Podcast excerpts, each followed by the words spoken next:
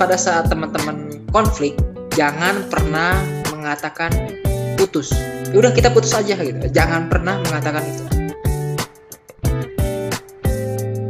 Selama berpacaran yang uh, wow 14 tahun tadi itu apa sih uh, yang kalian lakukan untuk menjaga supaya relasi kalian tuh tetap hangat? Pasti kan ini juga hal yang penting kan. Kalau uh, masa pacarannya lama, terus kan pasti ada tadi momen jenuh. Nah, gimana yang uh, ada nggak tips-tipsnya supaya relasi tuh tetap hangat? Hmm, oke. Okay. Ini tips versi kita ya. Enggak sih, tapi sebenarnya ini uh, apa namanya emang harus dilakukan sama uh, teman-teman yang sedang bangun hubungan ya. Yang pasti kita harus jaga komunikasi sih, saling komunikasi gitu. Kayak kuncinya deh sekarang misalkan kayak yang LDR aja ya. Jadi sama Stephen juga contohnya nih ya, ya LDR ya. ya komunikasi itu bener-bener uh, key pointnya sih kalau untuk uh, menjaga relasi ya. Karena kalau kita tanpa komunikasi tuh sebenarnya ya apa ya uh, kalau kalau kita nggak komunikasi itu lama-lama ya udah ya nggak nggak tiba bisa hilang gitu aja ya. Maksudnya nggak nggak jadi nggak merasa apa pun nggak nggak kenal kan nggak sayang gitu kan. Nah ini pun juga gitu. Kita semakin kita berkomunikasi semakin kita mengenal satu sama lain dan ya semakin sayang juga. Gitu. Itu sih poin yang penting pertama untuk menjaga relasi tetap hangat. Jadi dulu kita tuh pas zaman pacaran itu sebisa mungkin ya setiap hari itu pasti kita saling kontekan. Nah, kontekannya itu dulu juga karena masih SMS dulu masih dulu masih SMS. iya dulu masih zaman SMS belum ada WA belum ada BBM ya. Hmm, masih SMS kalau gua telepon rumah ya dulu ya. Ya telepon iya telepon rumah waktu itu. Jadi uh, ya kita jadi jaga jaga komunikasinya dengan gitu. Uh, masih telepon ke rumah ya. Hmm. ngobrol gitu. Terus kadang-kadang uh, masih terus ketiap malam gitu kayak uh, itu pun nggak nggak nggak langsung setelah pacaran langsung ya karena belum aku zaman dulu belum punya handphone. Ya dulu kita belum ada handphone. Iya. Mohon maaf saya belum punya HP uh, bapak ini yang sudah punya jadinya um, kayaknya satu tahun pertama mungkin ya. Jadi uh, masih SMS, terakhir setelah udah punya jadi masih SMS-an gitu. Nah dari situ kita keep kontak, nah nanyain kabar, lagi ngapain. Jadi hal-hal yang simpel sih kayak nanya kabar lagi ngapain, lagi di mana gitu.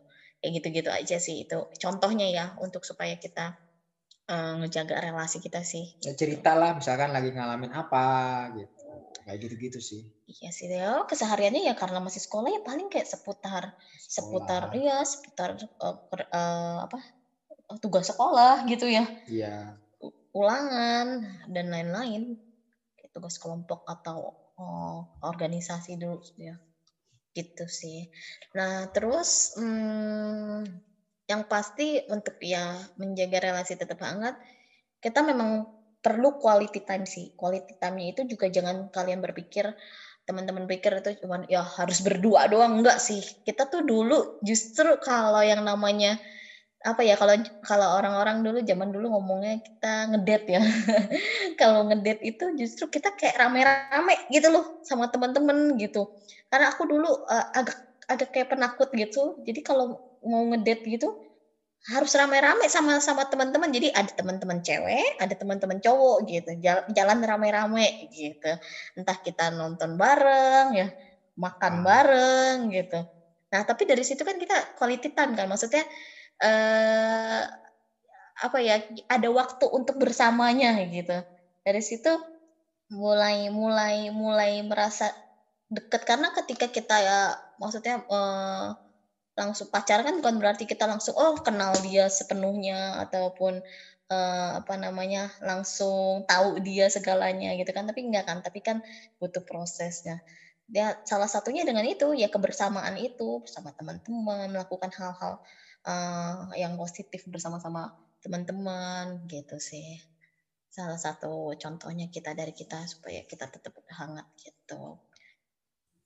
Wow keren banget nih. Ini tips yang is banget dan relate banget nih dengan dengan, dengan kehidupan kita gitu dengan anak muda gitu ya.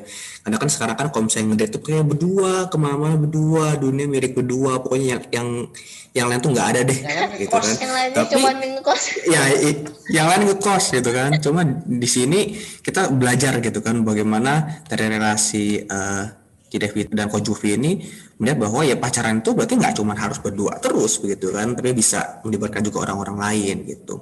Nah tadi eh, ada satu statement yang menarik yang tadi Cidevi juga bilang ada nih perbedaan antara eh, pacaran misalnya gitu ya setelah secara Kristen gitu dengan secara yang tidak Kristen begitu misalnya dengan dengan misalnya adanya Kristus di dalamnya dengan yang misalnya belum belum kena Kristus lah begitu. Mungkin boleh nggak Ci- eh, Ciri Vita atau Kojuvi itu jelasin maksudnya kayak hal apa sih yang paling yang paling berasa berbeda gitu? Eh, antara pacaran maksudnya secara dengan dengan dasar-dasar Kristen gitu ya dengan yang kita belum sama sekali pacaran coba-coba lah. Apa sih hal yang paling mendasar yang berbeda antara dua itu? Waduh, oke. berat ya pertanyaannya ya? Oke, eh iya sih eh, seperti yang kita sama-sama tahu ya teman-teman kan kita eh, hidup di zaman sekarang yang era modern kan ya. Eh, pergaulan di luar sana kan juga eh ya bisa dibilang eh, kita tahulah seberapa eh, rusaknya dan seberapa gimana sih yang yang kita tahu ketahui saat ini gitu kan. Nah, beda banget kalau seandainya kita tahu kebenaran dalam Kristus gitu. Sebenarnya salah satu perbedaan mendasar ketika kita membangun hubungan dengan eh, dasar Kristus dengan yang enggak itu ya itu ketika kita membangun relasi itu dengan dasar Kristus kita tuh pegang nilai-nilai kebenaran firman Tuhan loh gitu. Jadi bukan mengikuti apa yang dunia apa yang dunia lakukan bukan mengikuti apa yang oh yang sedang apa namanya ngetren gitu kita tidak mengikuti dunia yang lakukan tapi kita melakukan apa yang kata firman gitu. Contoh simpel lah gitu ya. Contoh simpel itu eh, tentang menjaga eh, kekudusan di dalam hubungan. Ketika kita mempunyai bangun hubungan di dalam dasar ke, eh, kekristenan di dasar Kristus yang pasti itu adalah poin yang utama adalah menjaga kekudusan. Nah kita kan nggak tahu kalau teman-teman kalau seandainya di luar sana yang tanpa kri- kekristusan kita kan nggak bisa nggak ada yang ngejagain uh, hubungan itu loh. Uh, bahwa untuk tetap kudus gitu loh. Karena karena memang mereka tidak tahu dan mereka tidak nggak ada pegangan dasar kebenaran firman firman Tuhan. Tetapi ketika kita hidup di dalam firman Tuhan kita tahu dan kita ngejaga diri kita gitu. Bukan berarti kita kebal tapi kita ngejaga bagaimana caranya untuk supaya tetap jaga hubungan tetap kudus di hadapan Tuhan. Itu sih yang contoh paling konkretnya ya, yang sehari-hari ketika kita membangun hubungan dengan dasar Kristus dengan yang enggak itu sih, Van. Wow, berarti poinnya adalah bagaimana menjaga kekudusan itu gitu ya. Di tengah-tengah dunia yang cemar, kita tetap menjaga kekudusan dalam hubungan kita. Oke, em, nah terus kan kita tahu nih tadi kita juga bahas tentang misalnya bahwa cinta itu memang harus harus dibangun gitu ya. Tadi apa gitu kan Cidevita dan Ko Juve juga bilang ya ada percaya nggak percaya gitu dengan cinta pada pandang pertama gitu. Justru cinta itu ya harus harus dibangun dasar komitmen begitu. Nah, bagaimana sih caranya gitu? Cara kalian itu membangun membangun cinta itu sendiri begitu. Karena kan maksudnya ya cinta itu kan sebuah sebuah apa ya harus di, diusahakan begitu. Jadi bagaimana sih kalian itu membangun cinta yang benar-benar cinta bukan cuma cita-cita yang sementara doang? Oke, yang pertama eh, namanya membangun cinta ya, bukan kan tadi temanya kan bukan jatuh cinta ya, tapi membangun cinta. Betul. namanya membangun cinta kan berarti ada sesuatu yang kita bangun kan. Nah, kalau membangun itu ya berarti apa sih yang paling penting gitu? Yang paling penting adalah uh, pondasinya dulu nih, dasarnya dulu nih ketika kita mau membangun cinta.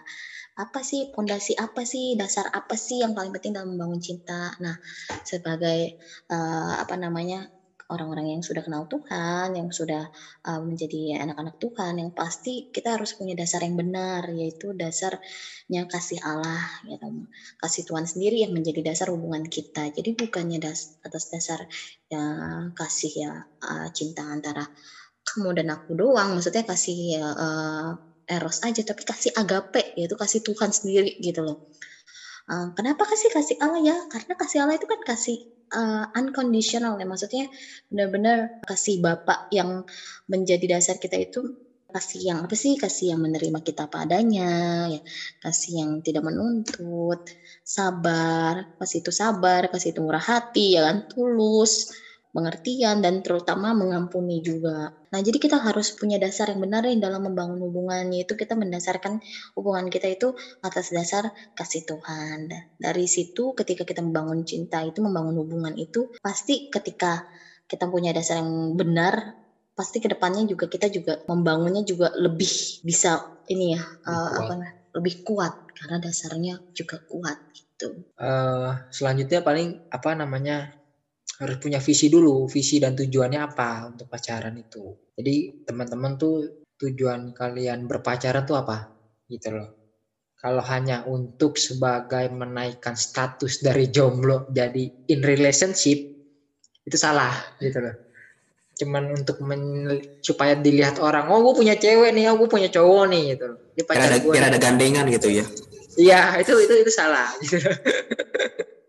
jangan itu. Jadi tujuan kalian berpacaran itu apa gitu loh. Ya tujuannya ya untuk menikah gitu loh. Karena apa? Karena menikah itu satu step atau satu level yang bisa dikatakan lebih sulit tanda kutip daripada berpacaran gitu. Kalau cuman untuk senang-senang ya lebih baik jangan berpacaran dulu gitu loh. Lebih baik jomblo yang berkualitas gitu Wow, jomblo yang berkualitas. Nambah satu vocab baru nih. Ini yang, yang jomblo jadi ada penghiburan sedikit ya. High quality jomblo ya.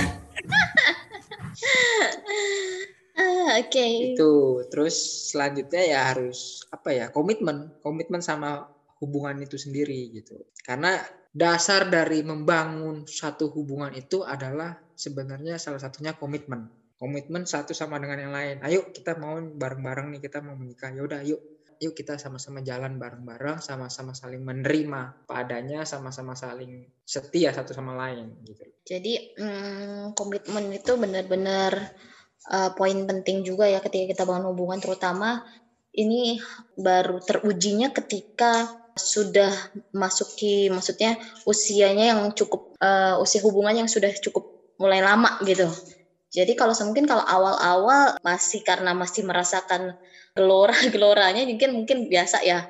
Tapi ketika udah mulai lama udah mulai timbul rasa jenuh atau bosen. Nah, ini dia yang penting nih, si komitmen ini nih kita yang kita pegang. Mau nggak sama-sama komit untuk ya udah apa pun yang terjadi suka maupun duka ya kita jalanin bersama gitu. Kalau dalam hubungan bangun pacar uh, masa masa menjalin hubungan itu kan memang makanya kita sebut itu kan karena tujuannya tadi adalah untuk menikah makanya ini kan sebenarnya adalah masa pranikah kita kan masa pranikah untuk mencap untuk benar masuk ke jenjang pernikahan yang sebenarnya. Nah uh, di masa pranikah itu memang sangat dibutuhkan komitmen untuk kita bangun hubungan gitu. Karena dari komitmen ini uh, segala hal yang terjadi itu bisa dilewatin karena adanya komitmennya tuh. Terus yang terakhir kalau menurut uh, ini menurut kita nih salah satu cara untuk membangun cinta juga kayaknya nggak mungkin ya dalam hubungan itu uh, apa namanya lancar-lancar aja, adem-adem aja, biar apa namanya everything is good gitu kayaknya nggak nggak ini ya pasti ada masa-masanya ya masa-masa di mana kita konflik gitu masa-masanya kita berantem gitu kan. Pastilah apalagi masih sama-sama muda ya kan egonya masih sama-sama kuat gitu. Nah jadi uh, pasti sih akan ada muncul ya namanya pacaran misalkan ribut lah gitu lah terus misalkan konflik lah banyak hal ya maksudnya yang jadi pemicu pemicunya gitu kan. Nah bagaimana melalui konflik itu kita sebenarnya sama-sama sedang bertumbuh sedang sedang Tuhan asah gitu loh.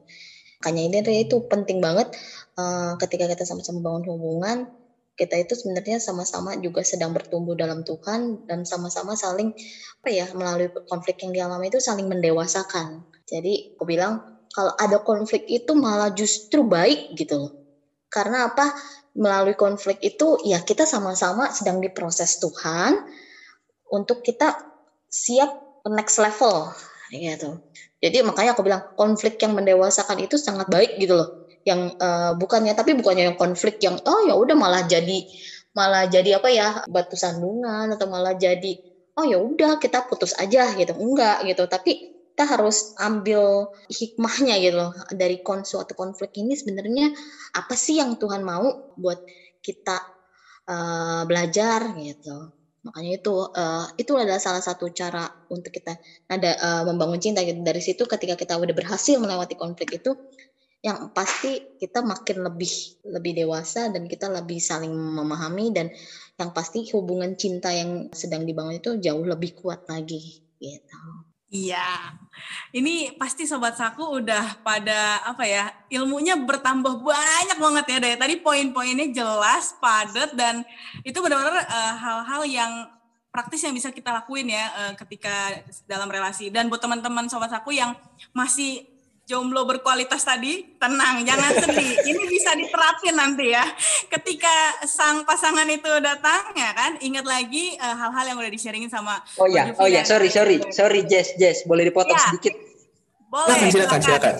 Satu lagi, maksudnya pada saat pada saat teman-teman uh, konflik gitu ya, konflik jangan pernah ber, mengatakan putus. Ya udah kita putus aja gitu. Jangan pernah mengatakan itu karena itu sebenarnya ya bisa dikatakan kata-kata kutuk gitu loh.